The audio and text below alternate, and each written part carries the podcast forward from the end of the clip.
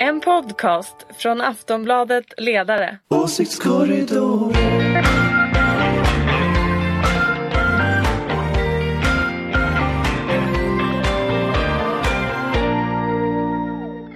Till Åsiktskorridoren. Eh, Det är precis som så ofta förut eh, en vass panel för att ta itu med veckans politiska händelser och det som står för dörren. Ulrika Schenström, moderat och eh, verkställ, VD för, tank. VD för tank... Ja, du brukar glömma bort Ingvar, det är därför jag säger det. Okej, Ja, men du får säga det chef för idag då. tankesmedla, eh, den liberala tankesmedjan Fores. Och gröna, det glömmer du också Ja. alltid bort. Men fint. Nästa vecka sitter det Anders Lindberg, eh, Aftonbladets ledarredaktion. Ja, det är jag. Och Jonna Sima, också Aftonbladets ledarredaktion. Rätt. Ja. Själv heter jag Ingvar Persson, är i den här rollen strängt neutral eh, och mycket ojävig. eh, till vardags finns jag också på, på Aftonbladets ledarredaktion. Vi har som sagt massor att prata om precis som vanligt så vi sätter väl igång direkt. Det har ju varit en intensiv vecka men också en vecka där pandemin har tagit ny fart. I torsdags lät det, lät det nästan som i våras när Stefan Löfven kallade till pressträff för att uppmana oss att tvätta händerna och hålla avstånd. Och det blir inga lättnader när det gäller möten och det där har ju fått skapat reaktioner. Jonas Gardell blev till exempel besviken för att säga det lite. Hur är det, håller regeringen och, och politikerna på att tappa greppet om svenska folket? Har strategin liksom förlorat auktoritet? Nej, det, jag tror fortfarande inte det. Jag, jag, men däremot så om smittan går upp, eh, dödligheten verkar inte gå upp, men jag tror att man vet om några veckor för att se ifall det är en andra våg som är på G eller inte. Nej, jag vet inte. Alltså, jag, jag tycker man får känslan när man lyssnar på, eh, på eh, Löfven och kompani att, att det är ett nytt tonläge. De här Stockholmspersonerna eh, som, från Region Stockholm, som, de var ju ganska alarmistiska förra gången också. Eh, de är ju alarmistiska igen. Eh, och det är ju ett tecken på att det börjar hända någonting i Stockholm i alla fall. Mm, det verkar Eh, så. och, och gör det det så kanske det händer i övriga landet sen. Så risken är väl ganska stor att vi, vi kommer in i en ny period nu av att, att det faktiskt inte funkar så bra. Även om som sagt, som Ulrika sa, dödligheten har inte gått upp. Men, men det är klart att det... Men Risken är smittan, väl... Jag, jag hörde att det kanske kommer in på äldreboendena nu till exempel. Då, då, Nej, men, då Det sticker är det, väl ju svårt iväg. att tro att det inte skulle göra det med tiden. Jonna? ja, nej, men det är väl bara eh, också att eh, gå till sig själv och kanske titta runt omkring sig. Jag bor ju och lever i Stockholm och att det, det har verkligen känts som att folk har slappnat av mer. Man ser fler- fler personer i kollektivtrafiken, på restauranger och Ehm, ja, överhuvudtaget tror jag att man trodde att smittspridningen åtminstone i Stockholm hade klingat av rätt ordentligt. Men sen så tog det ju ny fart och jag tror att eh, det som händer också runt omkring oss i grannländerna och i Frankrike, Nederländerna, Storbritannien, liksom, där de ser verkligen en andra våg rulla fram, eh, har gjort att eh, vi måste liksom påminna svenskarna igen om att inte slappna av för mycket. Uh, och det visar ju också det här med att det kommer in på äldreboenden igen, att man kanske har slappnat av för mycket. Så då var det väl bra att, att Stefan Löfven stämde i bäcken här i torsdags. Men kommer det att fungera då? Vi har ju hört det här förut. Det, alltså presskonferenser med Stefan Löfven där han just uppmanar oss att tvätta händerna har ju blivit lite av en återkommande tema. Jag tycker det är svårt att veta om det funkar eller inte. Alltså, eh, om man tänker i våras hur det var så fanns det ju liksom en tydligt driv från Folkhälsomyndigheten och från regeringen att eh, på något sätt sätta ner foten. Nu, nu ska ni följa de här rekommendationerna. Och det tyckte jag väl ändå folk gjorde. I alla fall det, det som, som jag kunde se att, att och tittar man på statistiken och så, så att folk ändå gjorde som de var tillsagda. Sen under sommaren så har ju det där lösts upp successivt. Så, så risken är väl att vi fortsätter som under sommaren nu fast vädret blir sämre så då är vi oftare inne. Sen är det ju så, nu har man mycket upptakter, man har mycket... Skolorna drar igång, universitet drar igång. Alltså, människor träffas på ett sätt eh, som är mycket mer frekvent. Det har varit så diskussioner om de här festerna i gymnasierna och så vidare. Och det är klart att summan av allt det där kan ju mycket väl göra att det börjar sticka. Ja, förkylningssäsongen är igång. Alltså vabbdagarna slog ju taket första veckan kändes det som eh, när skolan började. Så att, eh, ja, det, det är ju mycket förutom covid som liksom är igång. Det. Jag, jag börjar känna att hösten kanske blir som våren. Att det blir liksom en puckel nu och så inser man att shit, det här gick inte. Och då får man helt enkelt återanpassa sitt liv efter det här att man inte... Ja, vi, på ledarredaktionen kan vi ju jobba en dag i veckan inne till exempel. Eh, det måste man ju fundera på. Ska man överhuvudtaget jobba inne? Alltså hur, hur kommer det här att Mm. Hur kommer samhället att fungera liksom? Fast vi vet ju inte förrän om några veckor tror jag. Så att ehm, ja, det kanske blir som våren eller så också blir det inte det. Men jag tror i alla fall att Sverige har valt rätt väg. Är det någon som har sett den här nyheten om att, att Anders Tegnell har pratat Nej. med Boris Johnson? Nej. Ja, det finns en sån. Varför men skulle jag han prata inte med den. Boris Johnson? Jo, men jag bara säger att det var någon som berättade för mig om någon nyhet om detta. Nu bara efterfrågar jag åsiktskorridorens liksom, kunskap om, om, om vad som är i media. Jag hittade nämligen inte. Så nu efterfrågade jag det. Så om någon lyssnar på det här kanske de kunde skicka den här till mig, den här nyheten. Eller också så är det bara någon som har lurat mig. Ja, han, han är ju väldigt kritisk. Han vill ju inte stänga ner Storbritannien men nu är det ju äh, jätteprotester också på gatorna mot de här lockdownsen som är att man inte får gå på puben efter tio och allt vad det nu är. Man får inte samlas mer än sex personer i Storbritannien. Nej, det är ju verkligen kris. Man får inte gå på puben efter tio. Ja, på, alltså, förr i världen stängde de ju vid den gå? tiden. Elva i alla fall. Men, men den nyheten den, den, nyhet som du letar efter är från The Spectator. Eh, och eh, att Boris Johnson har efterfrågat Anders Tegnells åsikter. Så du kan kolla The Spectator. Ja, tack, men tack, sen, tack. Fraser Nelsons tidning. Jag fattar. Men, jag man, fattar. Man und- men det jag undrar liksom här, det är ju alltså, det är ju massa högerregeringar runt om som, som tittar på Sverige. Och det känns ju inte helt Nej. bra. Du kanske får eh, vänja dig. Vi, vi, hamnar på Republikanernas sida i USAs debatt. Nej, jag tyckte det... bara det kändes som Anders Tegnell är liksom världskändis överallt, vet vilket han ju är. Men ja, nej, men jag ska läsa den. Tack så mycket. Vi ja, kan prata alltså, om det nästa vecka. Jag måste faktiskt bara alla till Gardells försvar också. För att han, han blev väldigt hårt åtgången på DNs eh, ledarsida idag. Han blev kritiserad för att vara självupptagen och det blev han ju av någon sjuksköterska här också under helgen. Ja, det kan man ju säga tycka med all rätt att eh, varför ska liksom just kulturen, alltså ja, sådär, eh, varför ska man öppna upp det när, när vi nu ser ökat smittantal? Men regeringen har ju faktiskt varit väldigt senfärdiga med att stötta kulturen. Och jag tycker det är inte klokt det här med, att, med, med permitteringsstöden, att de inte gällde enskilda firmor som ju dominerar liksom kultur, kulturbranschen med alla dess frilansare totalt. Så att jag tycker kanske att Gardell borde väl mer riktat in sig på att de här stöden inte har kommit snarare än att man ska lätta på där förbudet om att samla mer än 50 pers. Det är väl pengarna som är det viktiga i det här läget. För dem. Det är väl det är ofta väl, det. Ja, men det är klart att de vill möta sin Fast, publik, men eh, Fast det, de det, det är väl... kanske hellre betala hyran. Ja. Nej, men det är väl det. Alltså, det har väl varit problemet från början tycker jag i, i den här strategin att idén är ju att hålla på något sätt allting under armarna eh, fram tills att det här är över. Och det är klart att just småföretag har hamnat i kläm. Och det, det gäller ju inte bara så här kultur, kulturbranschen, det gäller ju så här taxinäring, små, små butiker, små restauranger. Alltså, de stora strukturerna klarar sig väl genom en sån här historia ofta.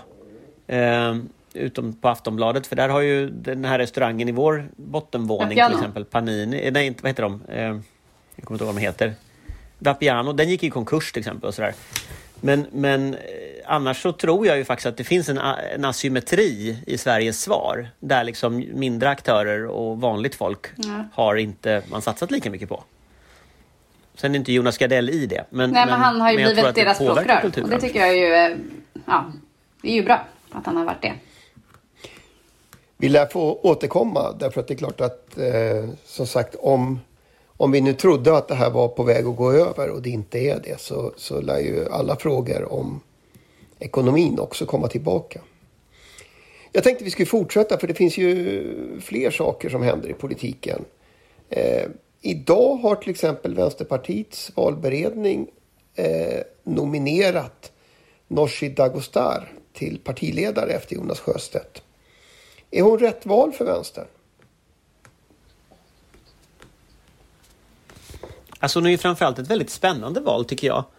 Eh, rätt och fel är ju alltid knepigt i ett, eh, ett parti som man inte liksom har någon insyn i så. Men, men det är ett väldigt spännande val. Alltså det, är en, det är en helt annan typ av eh, politiker än, än Jonas Sjöstedt. Och mig leder det lite tankarna till när man valde, när man valde Gudrun Schyman. Att man valde en person som plötsligt kunde prata med en massa människor som partiet inte har kunnat prata med innan. Och, och jag tänker att Nooshi, hon är ju från Göteborg, vilket är en stor tillgång, tänker jag. Men, men att, att, eh, att det, det finns någonstans ändå, det, det finns någonting väldigt folkligt med henne i helt andra grupper än Vänsterpartiet historiskt har, har tagit sig in i. Så om jag var Miljöpartiet så skulle jag vara ganska fundersam vad som, vad som händer nu. För de här aktivisterna och så som finns, eh, de är ju inte så partilojala liksom. Eh, men det finns en så här ung vänstergrön generation där ute som, som letar efter ett parti. Så jag tror att jag tror Vänsterpartiet som på någon strategisk nivå tänker väldigt rätt när man, när man väljer partiledare. Och det kan nog bli lite hårigt för, för Löfven också. Det är ju inte en grupp som just nu går till sossarna så mycket. Ja, alltså hon är ganska oprövad så det är väl lite svårt att veta hur det kommer bli. Men eh, man tänker ju att alltså, partiet har ju gått fenomenalt bra i opinionen och så och även i valet senast eh, under Jonas Sjöstedt. Men samtidigt har ju den interna kritiken funnits inom partiet mot att ledningen är för vit och gubbig. Eh, och det var ju ett, ett argument som Rosanna Dinamarca förde fram liksom, när hon ville bli partiledare. Eh, men då blir det hon, Nooshi nu, ser det ju ut som. Och hon är visserligen en så här, ja, men som Anders säger, lite så här aktivistisk bakgrund. Men hon har ju inte så här, riktigt samma rykte om sig som Rosanna Dinamarca som kanske var mer polariserande så. Eh, jag tror att Nooshi eh, mer eh, är, går, kommer gå liksom i Jonas Sjöstedts fotspår och försöka liksom bli en länk mellan S och V. Alltså så här, hon, hon vill nog locka ja, LO-väljare och ja, framför, eller LO, ja, medlemmar och sådär till, till, till partiet snarare än att hon tänker att hon ska fånga upp Greta Thunberg-generationen. Men det kanske hon lyckas med också. Ulrika, Nej, men jag tror nog i och för sig att, att eh, hon mycket väl kan ta, för har man en aktivistisk bakgrund så kan man mycket väl ta eh, forna eh, miljöpartister faktiskt. Eh, men, men det viktiga här är väl att hon, eh, jag menar, kommer hon att fortsätta eh, jobba som Jonas Sjöstedt har gjort och försöka bråka med regeringen och visa att man faktiskt inte bara är ett stödparti utan att man tillhör någon slags opposition också. Eh, det blir intressant att se. Eh, men jag är alltid glad när det blir en kvinna som blir partiledare och blir väl behandlad och så vidare. Så det ska bli intressant att se hur, hur det går. Men, men eh, där tänker jag ju alltså, tittar man på det gänget som kommer att leda Vänsterpartiet nu. Alltså hon, eh, Ulla Andersson som ju var aktuell till partiledarposten men tackade nej. Ali Esbati som ju också diskuterades. Eh, och ett antal riksdagsledamöter som finns runt om. Alltså det är en ganska intressant grupp eh, politiskt. Alltså det, det är inte, de är inte oerfarna på något sätt. Eh, och, eh, och de har ju visat sig vara ganska skickliga i den här Jonas Sjöstedt-strategin. De ingår ju på något sätt i hans krets allihopa.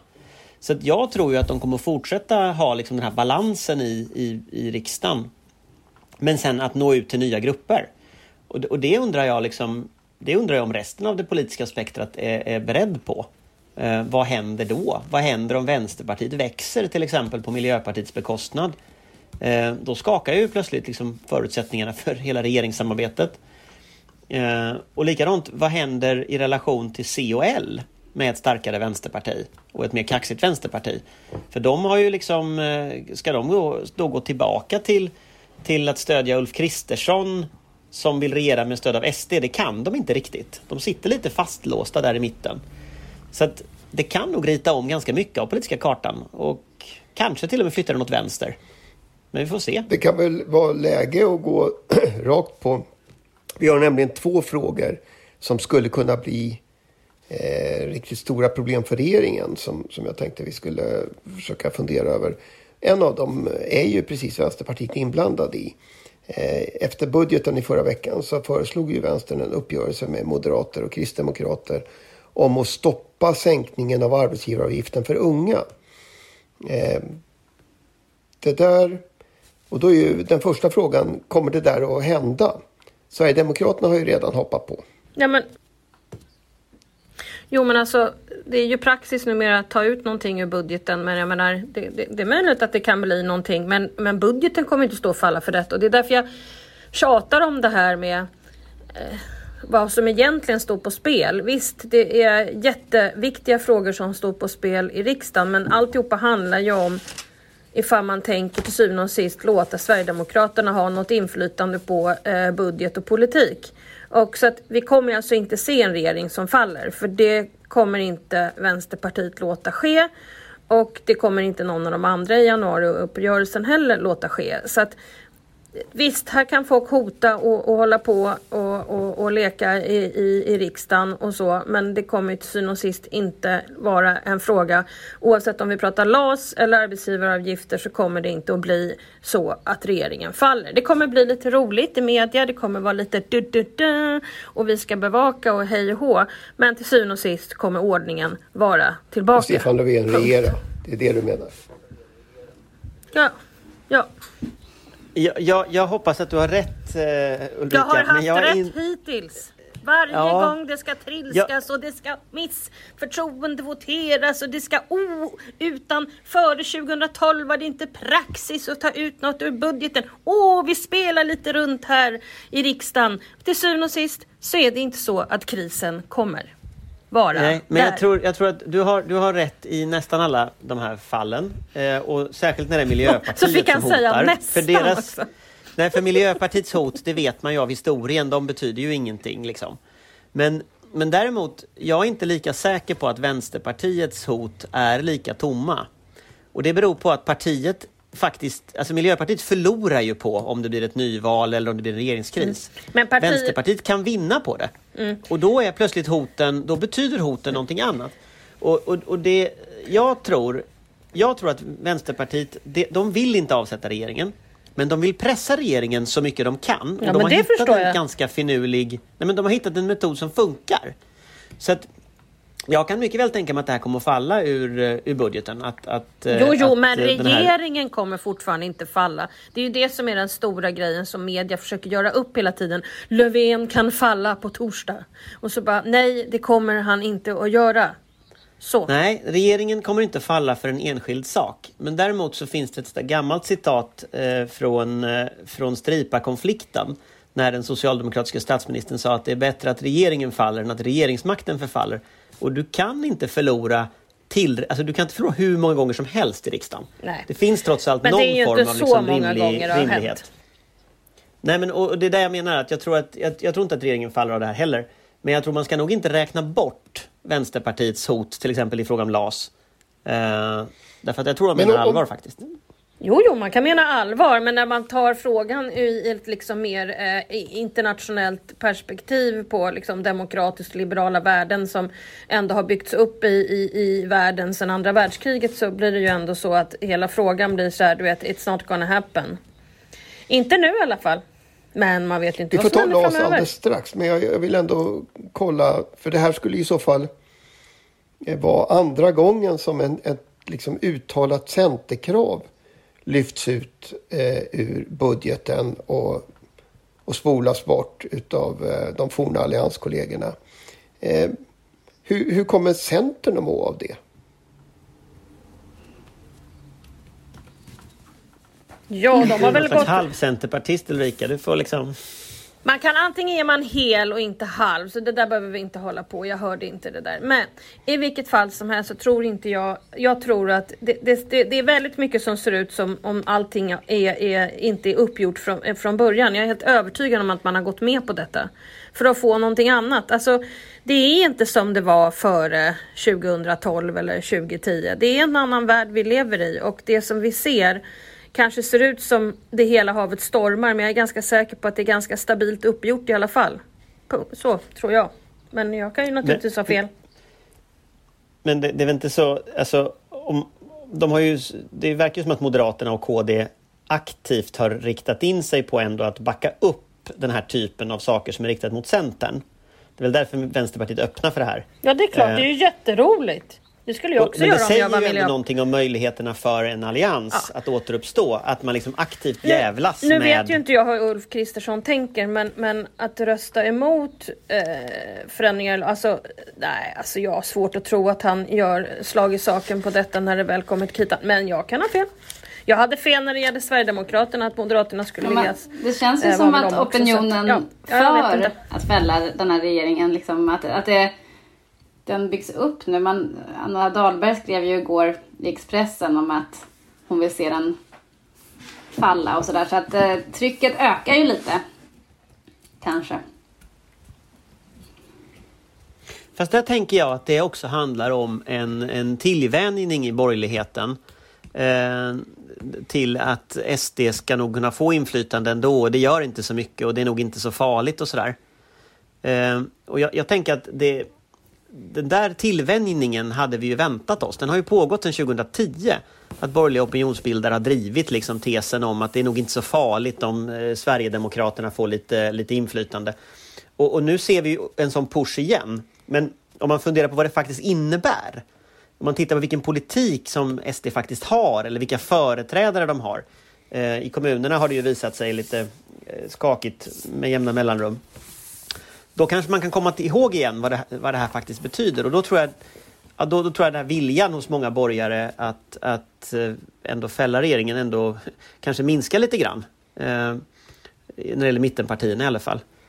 Eh, men sen tror jag, jag menar 2000, eh, alltså om, om två år, det är klart att valet kommer att stå mellan en moderat regering med uppbackning av SD och någon form av januaripartikonstellation. Så är det ju. Det, det är liksom, det, de kommer ju att bilda ett regeringsalternativ. Eh, KD, M, SD. Men det ska ju bli liksom- intressant dit vad som händer pekar. nu om Nooshi då blev partiordförande och eh, leder i så fall eh, ja, det, det, här beslutet att eh, göra gemensam sak med de borgerliga och SD. För eh, ja, men, Rosanna Dinamarca som vi tog upp tidigare har ju varit väldigt kritisk till att man skulle gå ihop med dem. Medan Nooshi då har försvarat det med att men vi vill bara driva vår politik på alla sätt det går. Och sen får, får, får de andra partierna rösta som de vill. Så det är en omsvängning där. Eh, som kan bli intressant att se vad det för, får för reaktioner i, från Vänsterpartiet. Ulrika? Fast i praktiken så är det ju så de har gjort för ett tag nu, eh, Vänsterpartiet. De, har ju, de har ju kört den, den linjen. Och jag menar, man måste nog, för, för, med undantag ska jag säga, för det här hotet om misstroende mot Eva Nordmark, för där tycker jag Vänsterpartiet gick för långt eh, i, i det agerandet. Eh, och framförallt tycker jag den metoden att avsätta eh, ministrar är ingen bra liksom, metod, för då pajar du regeringsmakten verkligen som, som, eh, som instrument och då, då brakar det förr eller senare. Men däremot det här med att plocka ut budgetförslag, den, det funkar ju väldigt bra. Alltså Vänsterpartiet har ju vunnit i opinionen väldigt mycket. Och det är ju inte så att liksom S har reagerat särskilt starkt på det här, eller att LO har reagerat särskilt starkt på det här. Så det är, det är ju en väldigt tacksam metod som de har valt. Ulrika. Ja, nej alltså jag, jag vet inte riktigt vad jag ska tillägga. Alltså jag, jag, jag, förstår att det är jätteroligt att hålla på och hålla på och kriga om, om sånt här, men alltihopa handlar ju till syvende och sist om en annan sak. Men, men, eh, och de kommer inte att... Eh, ja, de kommer inte att... Eh, nu är det någon som försöker gå in här när jag håller på och poddar. Och de kommer inte att, det kommer inte, det kommer inte bli så. Men det är kul att vi sitter och argumenterar och det, och det är kanske därför de också gör det. Därför att um, de kan vinna i opinionen på det.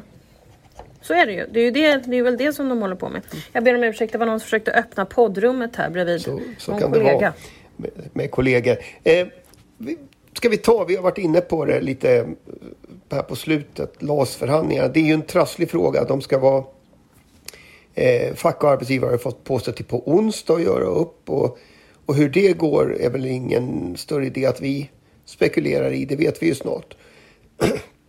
Men skulle de inte kunna göra upp så hamnar ju, reger, eh, hamnar ju frågan först hos regeringen. Eh, och där är det ju dokumenterat olika åsikter om vad man är överens om. Eh, och om man ska tro dig Ulrika, då löser man den här frågan alltså. Ja, jag tror det. Därför att det finns andra värden som är liksom större när det väl kommer till kritan. Fast just det här fallet så är det ju, det är ju inga små saker som står på spel.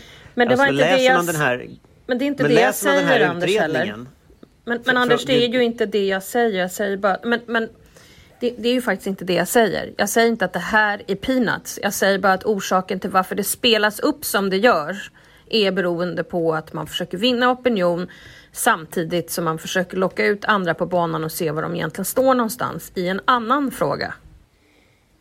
Fast jag tänker just när det är arbetsgivare och fack, det är ändå det finns ju en tradition så att säga av Ja att men, den, jo, fälla men, den, regeringar. men den diskade vi av för några veckor sedan ehm, här i åsiktskorridoren. Och, Men, eh, men det, finns, det finns ju en orsak till att det, den, här, den här typen av frågor faktiskt kan fälla regeringar historiskt också. Eh, Stripa-konflikten som jag nämnde var ju ett bra exempel. Men, men tittar vi på, på i sak det som står i den här Gudmund Toyers utredning, den här förhatliga LAS-utredningen, så är det ju en fullständigt skifte av maktbalansen på arbetsmarknaden. Och jag kan inte se att en socialdemokratisk regering kan lägga fram något sånt. Därför att det, det skadar fackföreningsrörelsen så oerhört mycket. Och det strider så fullständigt mot de direktiv som utredningen fick. Eh, så, så, att, så att om C och L pressar på där så hårt som de säger att de gör utåt i alla fall, då fattar inte jag hur det här ska funka. men får jag eh, fråga en sak För där då? har ju Löfven också sagt tydligt att nej men det här strider ju, det, här, håll- det funkar ju inte med de direktiv som är lagda. Det upprätthåller inte balansen på arbetsmarknaden. Men får jag fråga en fråga då? Får jag bolla tillbaka en fråga till Ingvar, även om du är programledare? För att du är nog mest expert på parternas roll och arbetsmarknad. Vad tror du? Jag är jättespänd på ditt svar. Man får, väl, man får väl tänka sig att grundtipset är att man ändå, just med tanke på de här stora insatserna, har en lösning. Det skulle ju rädda ansiktet på allt och alla. Eh, förstås. Å andra sidan, den här frågan har man försökt komma överens om och haft förhandlingar om hur länge som helst. Och det finns ganska eh, bestämda åsikter inom respektive organisationer. Eh, så då, då, hamnar ju, då hamnar frågan i regeringen. Jag törs faktiskt inte gissa eh, vem som har kallast nerver. Mitt, mitt stora problem i den här frågan är att jag har en känsla av att det ligger så ligger mer politisk prestige än praktiska problem bakom i vart fall det politiska agerandet. Eh, det, det här är, har blivit en viktig prestigefråga. En viktig sak att kunna visa upp för, för åtminstone de egna partimedlemmarna på respektive sida. Så visst kan den bli oerhört besvärlig. Jag tror, det tror jag man kan säga. Jag är övertygad om att man sitter och håller tummarna för att det här ska, ska lösa sig på onsdag.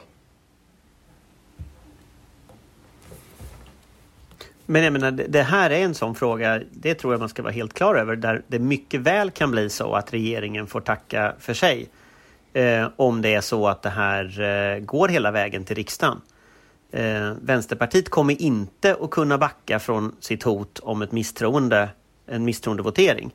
Så där sitter ju faktiskt eh, dina partivänner Ulrika, kommer ju att sitta med liksom Löfvens framtid. Kommer Moderaterna och KD att vilja rösta igenom LAS-reform eller kommer de att vilja rösta igenom Vänsterpartiets misstroendevotering? Så att jag menar, det, det, Löfven kommer ju i så fall ironiskt nog att bli räddad av sina motståndare. Ja. Vilket ju vore fascinerande med tanke på allt annat konstigt i svensk politik just nu. Men, Allt är upp och nervänt. men det skulle ju sluta där i så fall. Ja. Att Moderaternas partiledning skulle få sitta och reda ut och ska regeringen få sitta kvar eller inte. Ja, så är det. När vi träffas nästa gång om en vecka, då vet vi i vart fall om det här överhuvudtaget är en politisk fråga eller om det finns en, en uppgörelse mellan fack och arbetsgivare. Eh, vi vet en massa andra saker också. Eh, så jag tvivlar inte ett ögonblick på att det kommer finnas massor med saker att prata om. Eh, våran halvtimme har gått.